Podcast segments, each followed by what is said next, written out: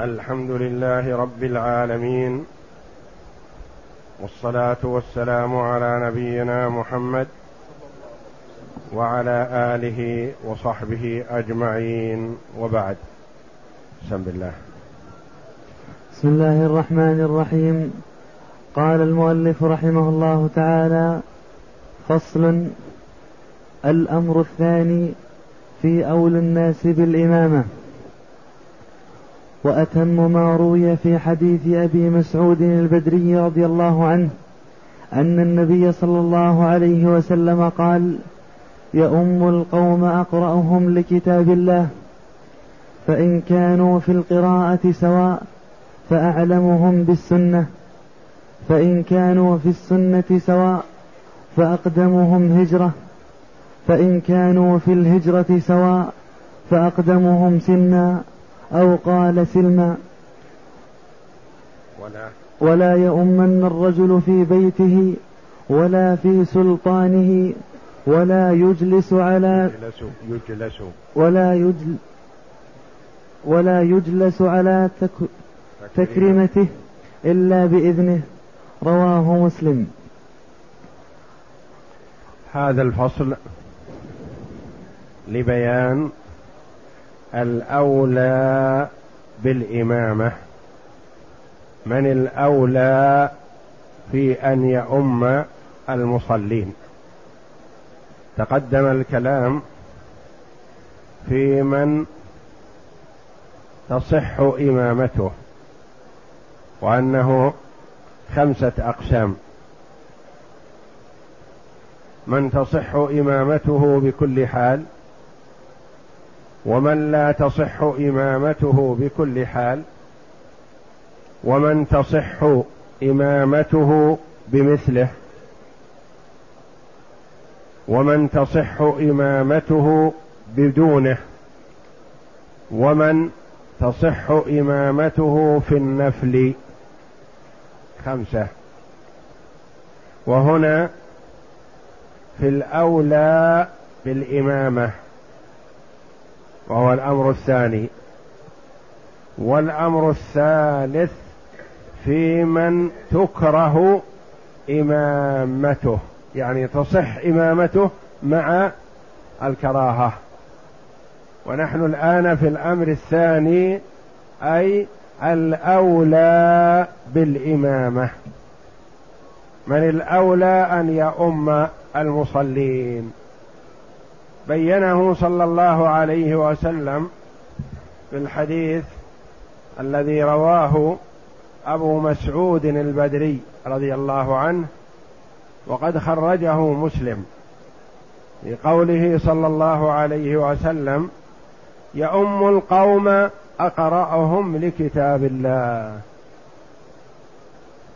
فالإمامة تكون الأفضل فيها والأولى والأحق بها الأحسن قراءة والأكثر قراءة لكتاب الله. فإن كانوا متساوين فالأعلم بالسنة. فإن كانوا متساوين فأقدمهم هجرة يعني من بلاد الكفر إلى بلاد الإسلام أو من البادية إلى الحاضرة وطلب العلم. فإن كانوا في الهجرة سواء فأقدمهم في السن.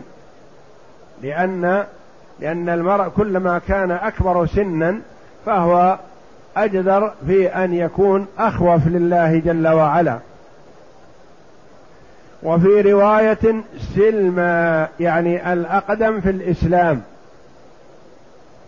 ولا يؤمن الرجل نائب فاعل في بيته ولا في سلطانه ولا يجلس على تكريمته إلا بإذنه.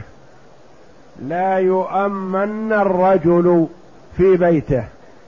صاحب الدار أولى بالإمامة إذا كان يحسنها. وصاحب الولاية والسلطان أولى بالإمامة إذا كان يحسنها. ثم أضاف صلى الله عليه وسلم ادبا يتأدب به المسلم فقال ولا يجلس على تكريمته إلا بإذنه. أذن لك صاحب الدار في الدخول فلا تجلس في مكانه ومحله الذي يجلس فيه إلا إذا آثرك به. والأفضل أن تقف حتى يشير إلى المكان الذي يرغب أن تجلس فيه ادبا. فلا تجلس في صدر المكان ولا في أسفله ولا فيما خصص لصاحب الدار وإنما ادبا تنتظر حتى يشير إلى المكان الذي يريد أن تجلس فيه. فأولى الناس بالإمامة السلطان للحديث وهو الخليفة أو الولي من قبله أو الخليفة أو الوالي من قبله. الخل... يعني الوالي الأعظم الإمام الأعظم هو الأولى بالإمامة إذا حضر مع الناس أو نائبه في البلد لأن الوالي الأعظم يكون لعموم البلدان مثلا. كل بلد له فيها نائب فنائبه أولى بالإمامة من غيره إذا كان صالحا لذلك. نعم. أو الوالي من قبله أو نائبهما فإن لم يكن سلطانا فصاحب البيت أحق للخبر.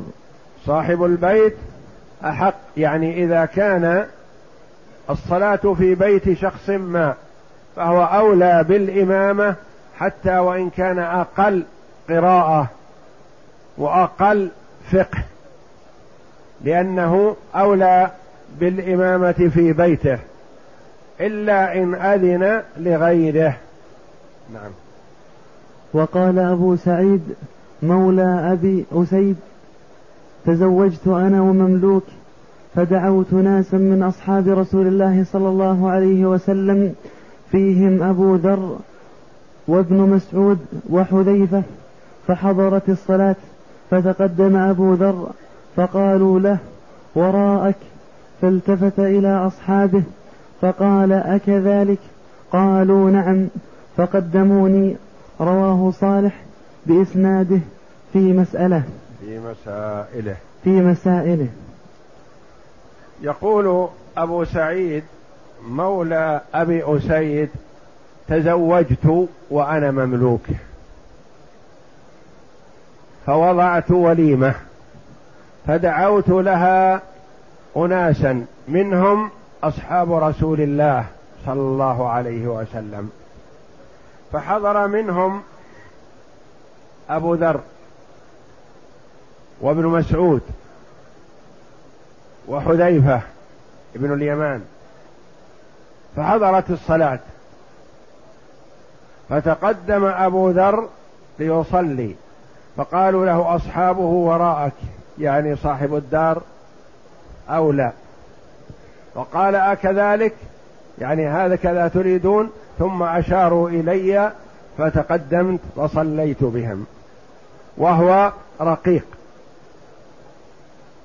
وأقل منهم فضل وأقل منهم علم فيه عبد الله بن مسعود رضي الله عنه عالم الصحابة وحذيفة بن اليمان وأبو ذر فتقدم هذا المولى ليصلي بهم لأنه صاحب الدار فهو أولى من غيره. نعم.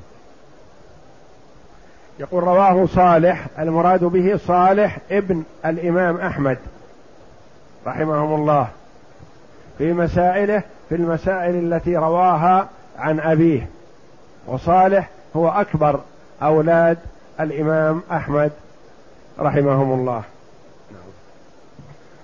فإن أذن صاحب البيت للرجل فهو بمنزلته. فإن أذن صاحب البيت للرجل أن يتقدم فله ذلك. يعني ما يلزم أن يكون صاحب الدار هو الإمام وإنما هو أولى. فإذا قدم غيره صح. نعم. فإن اجتمع السلطان وصاحب البيت فالسلطان أولى لأن إيه؟ نعم. لأن ولايته على البيت وصاحبه. فإذا اجتمع السلطان وصاحب البيت في مكان من البيت ليصلوا أيهما أولى؟ السلطان له الولاية العامة. وصاحب البيت أحق ببيته. قال السلطان أولى. لأن السلطان له ولاية على البيت وصاحبه. وبينما صاحب البيت في بيته فقط.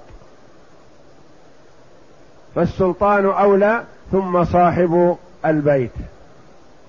نعم. وإن اجتمع السلطان وخليفته فالسلطان أولى لأن ولايته أعم. إذا اجتمع السلطان وخليفته كأن يكون السلطان مثلا مقره في العاصمة فحضر إلى إحدى المدن وفيها والي من قبله فأيهما يصلي؟ الوالي الذي له الولاية في البلد هذا أم السلطان الإمام الأعظم الذي له الولاية العامة؟ أيهما أولى؟ من حيث الأولوية وإلا أي واحد منهم صلى الإمام صحت. لكن أيهما أفضل أن يتقدم الوالي الأعظم؟ لأن ولايته عامة على هذا البلد وغيره وهذا ينوب عنه. نعم. وإن اجتمع العبد وسيده في بيت العبد فالسيد أولى لأنه مالك للعبد وبيته. كذلك إذا حضر السيد في بيت رقيقه مثلا الذي سكن فيه رقيقه وأهله. وحضرت الصلاة. صاحب الدار المتصرف في الدار هو الرقيق. والسيد له الولاية على الرقيق وعلى بيته. أيهما أولى؟ السيد أولى لأنه مالك للرقيق وبيته. نعم. هذا إذا اجتمع المستحقون للإمامة من يقدم منهم؟ لأنه قد يوهم قلنا مثلا صاحب الدار له حقية والوالي له حقية. إذا اجتمع والي وصاحب الدار فمن الأولى؟ الوالي لأن الوالي له ولاية عامة وصاحب الدار له ولاية في بيته. نعم. وإن اجتمع المؤجر والمستأجر في الدار فالمست... فالمستأجر فالمستأجر, فالمستأجر أولى لأنه أحق بالمنفعة. إذا اجتمع المستأجر والمؤجر. مالك الدار والمستأجر. اجتمعا وحضرت الصلاة. يصلون في الدار. من الأولى منهم؟ هذا مالك. متصرف في الدار. وهذا مستأجر. أيهما الأولى؟ الأولى المستأجر. لأنه هو مالك المنفعة الحاضرة. هو مالك المنفعة الآن. والمتصرف في البيت. المؤجر ما يستطيع أن يدخل بدون إذن. بينما المستأجر يفتح الباب ويدخل. هو مالك المنفعة. فإذا المستأجر أولى بالإمامة. نعم. وإمام المسجد الراتب فيه بمنزلته صاحب البيت. لا يجوز لأحد أن يؤم فيه بغير إذنه. لذلك. ويج... كذلك إمام المسجد الراتب سواء كان معين من قبل الولاية أو اتفق الجماعة على أن يكون إمامهم فلان. ورشحوا لذلك سواء كان له راتب أو لم يكن له راتب. فهو أحق بالإمامة ولا يجوز لأهل المسجد أن يصلوا إلا إن كان قد أذن لهم أو تأخر تأخرا كثيرا. وإمام المسجد الراتب بمنزلة صاحب البيت لأن له حقية. نعم. ويجوز مع غيبته لأن أبا بكر رضي الله عنه صلى حين غاب النبي صلى الله عليه وسلم. وفعل ذلك عبد الرحمن بن عوف مرة فقال النبي صلى الله عليه وسلم أحسنتم رواه مسلم. إذا تأخر أو غاب أو سافر فيتقدم من يصلح للإمامة. ولا يلزم أن ينتظروه لأنه قد يغيب غيبة طويلة بدليل أن أبا بكر الصديق رضي الله عنه لما جاءه بلال رضي الله عنه قال إن رسول الله صلى الله عليه وسلم تأخر حبس. عند بني بكر لما ذهب بني عمرو لما ذهب إليهم ليصلح بينهم في شحناء كانت بينهم فحبسوه لأجل إكرامه صلى الله عليه وسلم فتأخر. فقال بلال لأبي بكر ألا تصلي بالناس؟ قال أبو بكر إن شئت إن رأيت ذلك. فأقام بلال وتقدم أبو بكر رضي الله عنه. وجاء النبي صلى الله عليه وسلم ورغب أن يصلي خلف أبي بكر لكن أبا بكر رضي الله عنه تواضع ورجع. رضي الله عنه وأرضاه وتقدم النبي صلى الله عليه وسلم وصلى بالناس. وتقدم وصلى مرة عبد الرحمن بن عوف لما تأخر النبي صلى الله عليه وسلم مرة. فقال النبي صلى الله عليه وسلم كما روى مسلم رحمه الله أحسنتم. يعني إذا تأخر الإمام فصلوا. فإن لم يكن ذو مزية من هؤلاء فأولاهم أقرأهم لكتاب الله للخبر. هذه مقدمة على القراءة وغيرها الأمور السابقة. صاحب الولاية وصاحب الدار وسيد الرقيق والمستأجر للدار كلها وإمام الحي. هؤلاء أولى. حتى وإن كان وجد في المسجد مثلا من هو أقرأ أو أفقه فأولئك أولى لأن الصحابة رضي الله عنهم صلوا خلف بعض هؤلاء وإن كان الصحابة رضي الله عنهم أفضل منهم في القراءة والسنة والهجرة وما إلى ذلك.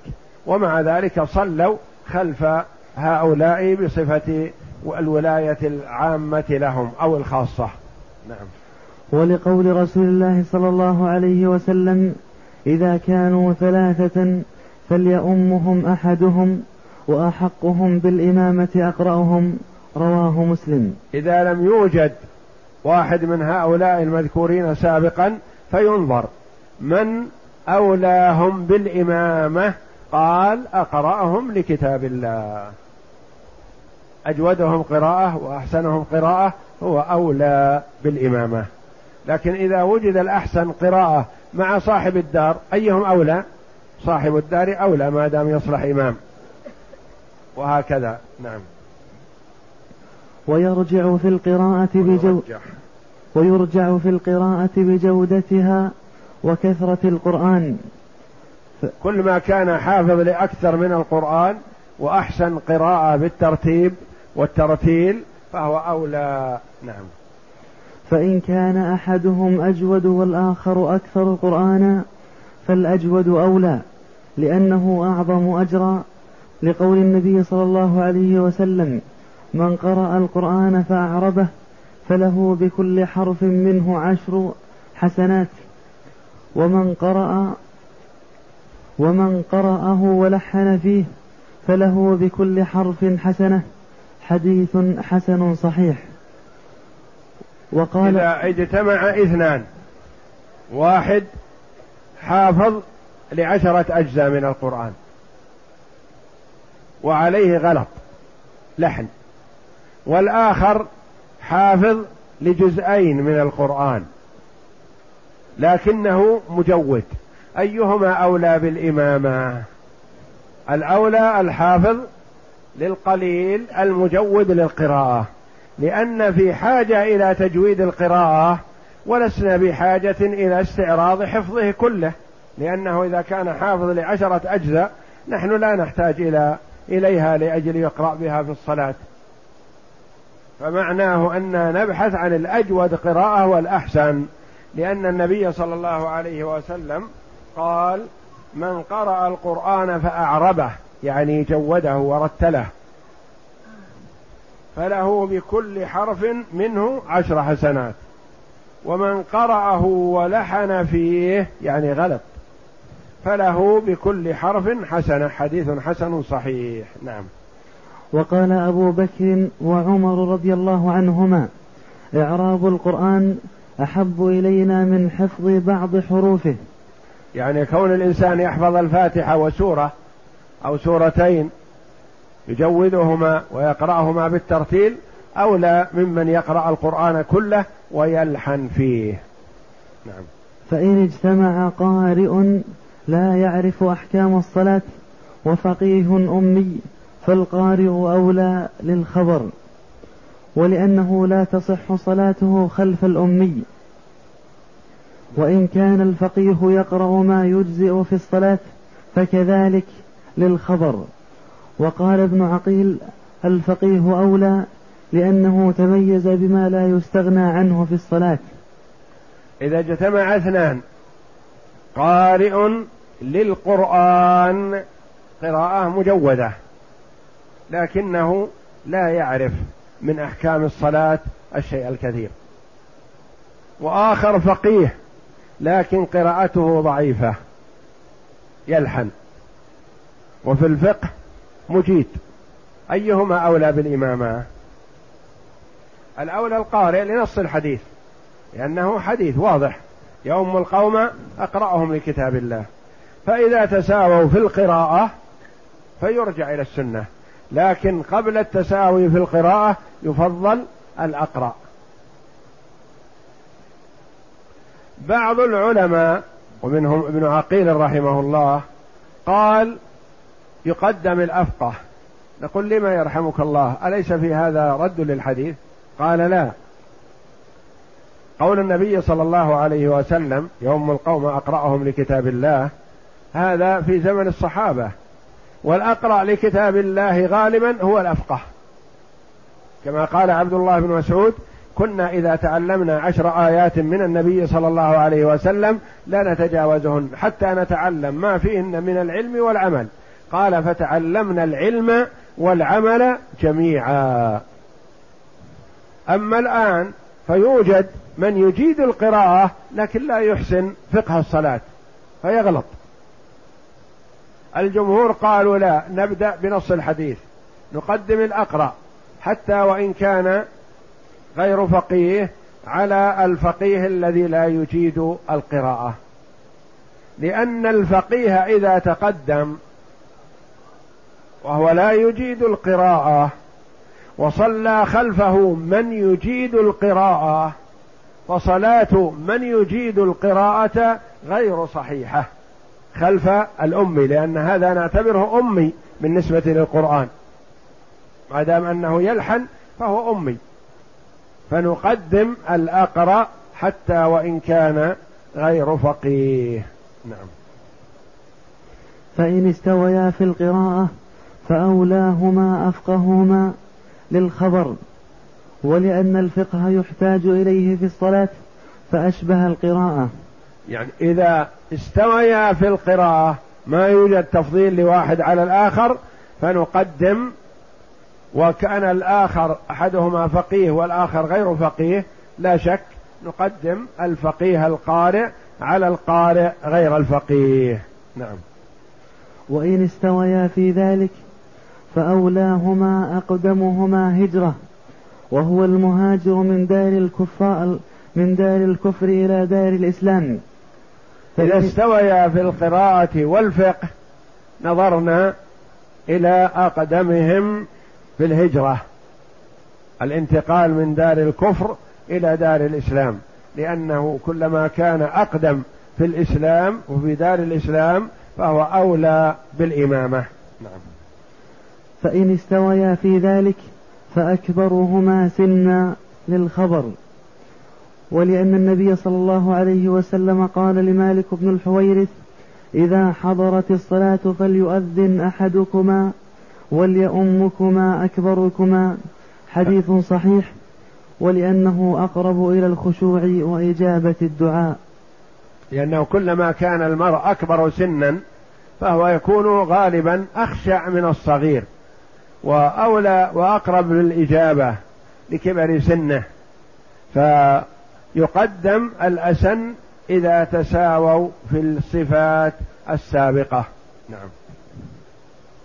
ويرجع بتقديم الإسلام لقوله صلى الله عليه وسلم أقدمهم سلما ولأنه إذا رجع بتقديم السن فالإسلام أولى.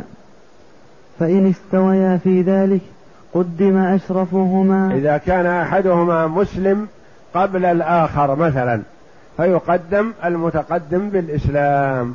نعم. فإن استويا في ذلك قدم أشرفهما نسبا وأفضلهما في أنفس وأفضلهما في أنفسهما وأعلاهما قدرا. لقول النبي صلى الله عليه وسلم قدموا قريشا ولا تقدموها. تقدموها. ولا تقدموها. إذا استووا في الصفات السابقة كلها نظرنا إلى الأشرف.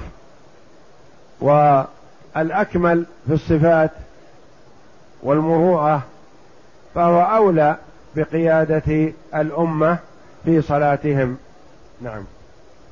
هذا ظاهر كلام أحمد وقال الخرقي إذا استويا في الفقه فقدم أك قدم أكبرهما سنا فإن استويا فأق فأقدمهما هجرة. وقال ابن حامد يتقدم الشرف بعد الفقه ثم الهجرة ثم السن فإن استووا قدم أتقاهم وأورعهم وأورعهم لقول, لقول الله تعالى إن أكرمكم عند الله أتقاكم. يعني ينظر للأتقى والأكثر خشية لله جل وعلا فيقدم في الإمامة على من دونه إذا تساووا في الصفات السابقة لقوله جل وعلا إن أكرمكم عند الله أتقاكم. فالكرم ليس بالحسب ولا بالنسب ولا بالمال ولا بالجاه وإنما هو بتقوى الله جل وعلا. نعم. ولأنه أقربهم إلى الإجابة. هو إمام الجماعة وهو يدعو لهم ولنفسه فهو أقرب لأن يستجاب له ما دام عنده تقوى من الله جل وعلا. نعم. نعم. ولأنه أقربهم إلى الإجابة. فإن استووا قدم أعمرهم للمسجد وأتمهم مراعاة له. ينظر إذا تساووا في الصفات السابقة ينظر الأكثر عمارة للمسجد يعني عمارة بعمارته بالصلاة وليس المراد عمارة البناء هنا وإنما المراد الأكثر تردد إلى المسجد والأكثر إقامة في المسجد والأكثر صلاة في المسجد يقدم على غيره. نعم. ويقدم الحر على العبد. لأن إذا تساووا في الصفات السابقة وهنا حر ورقيق فيقدم الحر على الرقيق. نعم. ويقدم الحر على العبد لأنه من أهل المناصب والحاضر على المسافر لأنه وإذا تساووا ووجد حاضر ومسافر كل واحد يريد الإمامة وهم متساوون في الصفات السابقة. فالمقيم الحاضر أولى بالإمامة من المسافر لأنه لأن المسافر سيقصر ثم يقوم الجماعة يتمون صلاتهم وكون الجماعة يصلون الصلاة كلها بإمامهم أولى. نعم. لأنه إذا أما حصل جميع حصل جميع الصلاة في جماعة بخلاف المسافر. نعم. والحضري على البدوي لأنه أجدر بمعرفة حدود الله تعالى وأحرى بإصابة الحق. لأن الحضري أحرى وأجدر بالفقه والمعرفة والتمييز وغالبا البادية عندهم الجفا والغلظة والغفلة. فإذا تساووا في الصفات السابقة فالحضري أولى من البدوي. والبصير على الأعمى لأنه أقدر على توقي النجاسات واستقبال القبلة بعلم نفسه. والبصير على الأعمى لأن البصير يتوقع النجاسات ويرى ما, ما حوله بخلاف الأعمى فهو قد يقع في النجاسة من حيث لا يشعر. وبعض العلماء قال لا الأولى بالإمامة إذا اتفقت الصفات السابقة فالأعمى أولى لأن الأعمى لا ينظر فهو أقرب إلى الخشوع من المبصر الذي يشتت نظره يمينا وشمالا. نعم. وقال القاضي هما سواء لأن الضرير لا يرى ما يلهيه ويشغله فذلك في مقابله البصر. مقابلة البصر. فذلك في مقابلة البصر فيستويان. وقال القاضي بل هما سواء الأعمى والمبصر لأن الأعمى عنده ميزة وهي عدم النظر. و نعم. والأولى لإمام الحي إذا عجز عن القيام أن يستنيب لئلا يلزمهم ترك ركن. فإن استوى إمام الحي كما تقدم لنا أنه إذا اعتل وصلى جالسا يصلي الجماعة خلفه جلوسا. قال الأولى إذا اعتل ومرض ألا يتمسك بالإمامة يقدم غيره ويصلي هو الإمام خلفه من أجل أن يصلي الجماعة قياما لأنه إذا صلى بهم هو ألزمهم بالجلوس. فتركوا ركنا من أركان الصلاة من أجله. فما ينبغي أن يتحجر عليهم ويمنعهم أن يصلوا فيحرمهم من القيام بل ينيب من يصلي بهم ويصلي هو إن شاء معهم جالسا. لأنه إذا جلس وهو مأموم فالجماعة سيقفون. وإذا صلى جالسا وهو إمام لزم أن يصلوا جلوسا معه. نعم.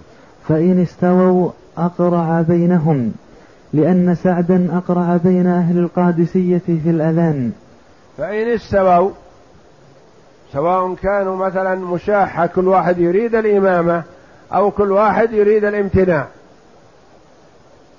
فما كيف نتوصل إلى شيء نلزم أحدهم بها بالقرعة إذا استووا وتوقفوا أو استووا وسارعوا إلى الإمامة أقرعنا بينهم لأن القرعة من الأمور الشرعية. فالنبي صلى الله عليه وسلم كان إذا أراد سفرا أقرع بين نسائه فأيتها أصابتها القرعة خرج بها. وسعد بن أبي وقاص رضي الله عنه أقرع بين أهل القادسية لما تشاحوا في الأذان. كل واحد يريد أن يؤذن. والنبي صلى الله عليه وسلم قال لو يعلمون ما في النداء والصف الأول ثم لم يجدوا إلا أن يستهموا عليه لاستهموا. ففعلا يوجد أحيانا أن يتسابق مجموعة على الأذان فيقرع بينهم. نعم. ولا يرجع بحسن الوجه لأنه لا مدخل له لا مدخل له في الإمامة. بعضهم قال إذا استووا في هذه الصفات كلها ينظر إلى أحسنهم وجها وأجملهم هيئة. وبعضهم قال إلى أكبرهم رأسا وإلى آخره أمور عدوها كثيرة ولكن ما لم يرد في الشرع له أصل فلا ينبغي أن يلتفت إليه. لأن جمال وجهه له ولا دخل له في الصلاة. نعم. فصل الثالث. أنه يكره إمامة اللحان الأمر الثالث الأمر الأول من تصح صلاته. الأمر الثاني الأولى. الأمر الثالث من تكره. تصح لكن مع الكراهة. نعم. أنه يكره إمامة اللحان لأنه نقص يذهب ببعض الثواب وإمامة من لا يفصح ببعض الحروف. كالضاد والقاف. وإمامة التمتام وهو من يكرر التاء والفاء والفأفاء الذي يكرر الفاء لأنهما يزيدان على الحروف. وتصح وتصح الصلاة خلفهما لأنهما يأتيان بالحروف على الكمال. فإن كان فإن كان يجعل الضاد ضاء في, في الفاتحة فقياسا على المذهب أنه كالأمي لأنه يبدل حرفا بغيره ويحيل المعنى ف ف فإنه يقال ظل يفعل ظل يفعل كذا إذا فعله نهارا. هؤلاء الذين تصح إمامتهم مع الكراهة اللحان يعني الذي يلحن. يرفع المنصوب وينصب المجرور وغير ذلك. فإن أحال المعنى فكما تقدم لنا إذا أحال المعنى في الفاتحة فلا تصح صلاته. لكن إذا لم يحل المعنى فمن يجيد القراءة إجادة أجود فهو أولى وإمامة اللحان مكروهة. وكذلك الذي لا يظهر بعض الحروف كمن يصعب عليه إظهار الضاد مثلا أو التمتام الذي يكرر التاء عندما ينطق أو الفأفاء الذي يكرر الفاء عندما ينطق. هؤلاء كلهم تكره إمامتهم وتصح. نعم. وبالنسبة للضاد والضاء قال في الفاتحة صراط الذين أنعمت عليهم غير المغضوب عليهم ولا الضالين. والضال غير الضال. الضاء والضاد. الضاد مثلا يقال ظل ظل بالضاء يعني معناه بقي وظل بالضاد انحرف. غير المغضوب عليهم ولا الضالين يعني من الضلال. والظلال الظل بالضاء فبينهما فرق. فإذا أحال المعنى فلا تصح إمامة من يحيل المعنى بنطقه ببعض الحروف. نعم. ويكره أن يؤم قوما أكثرهم له كارهون. لما روى أبو أمامة رضي الله عنه قال قال رسول الله صلى الله عليه وسلم ثلاثة لا تجاوز صلاتهم آذانهم. العبد الآبق حتى يرجع وامرأة باتت وزوجها عليها ساخط وإمام قوم وهم له كارهون. وهذا حديث حسن. نعم فإن كانوا يكرهونه لس لسنته. فإن كانوا يكرهونه لسنته أو دينه فلا يكره. قال منصور قيل لنا إنما إنما عنا إنما عن الظلمة. الظلمة. إنما عن الظلمة. فأما من أقام بالسنة فإنما الآثم فإنما الإثم على من كره ويكره أن يؤم الرجل قوما أكثرهم له كارهون. ما يتقدم الرجل فيصلي بقوم يكرهون أن يصلي بهم. ثم ينظر في هذه الكراهية. إن كرهوه لأنه صاحب معصية. أو كرهوه لأنه يتكلم بالنميمة. أو كرهوه لأنه سليط اللسان. فهذا حق. ولا يجوز له أن يتقدم عليهم. وأما إن كرهوه لأنه رجل صالح وهم فيهم شيء من الفسق وهو ينكر عليهم فهم الآثمون في هذا وصلاته بهم صحيحة ولا إثم عليه. وإنما الذي عنا صلى الله عليه وسلم في الثلاثة ثلاثة لا تجاوز صلاتهم آذانهم يعني لا ترتفع لا تقبل. من هم؟ العبد الآبق الذي شرد وهرب عن مواليه. ومرأة وامرأة باتت وزوجها ساخط عليها. هذا دليل على عظم حق الزوج وأنه لا يجوز للمرأة أن تغضب زوجها فإذا أغضبته فتسترضيه. وإمام قوم وهم له كارهون يعني يكرهون أن يتقدمهم لما فيه من العيب من سفه أو معصية أو مخالفة في أمر من الأمور فهم كرهوه لذلك فلا يجوز. وأما إذا كرهوه لأنه مستقيم وينكر عليهم أعمالهم فلا بأس أن يتقدم عليهم وكراهيتهم له هم يأثمون بها لأنهم كرهوه بغير حق. نعم. ويكره أن يؤم نساء أجانب لا رجل معهن ويكره ويكره أن يؤم نساء أجانب لا رجل معهن. يعني يكره للرجل أن يصلي بنساء ليس معهن له محارم وليس معه رجال آخرون. فإذا صلى المرء برجال ونساء فلا بأس لكن يصلي بنساء فقط ليس لهن ليس معهن محارم له وليس معه هو رجال فيكره ذلك. نعم. ويكره أن يتقدم المفضول من هو أولى منه لأنه جاء في الحديث إذا أما الرجل القوم وفيهم من هو خير منه لم يزالوا في سفال احتج به أحمد. ويكره كذلك إذا اجتمع فاضل ومفضول فيكره أن يتقدم المفضول على الفاضل وإلا فالصلاة صحيحة. يكره ذلك. فمثلا إذا وجد اثنان لا ميزه كلاهما يحسن الصلاة لكن أحدهما يقرأ قراءة أكثر وأفضل وأجود وحافظ والآخر يؤدي الصلاة صحيحه بقراءته لكنه أقل فضلا من ذاك أو أقل علما. فهذا تكره إمامته وإلا فهي صحيحة.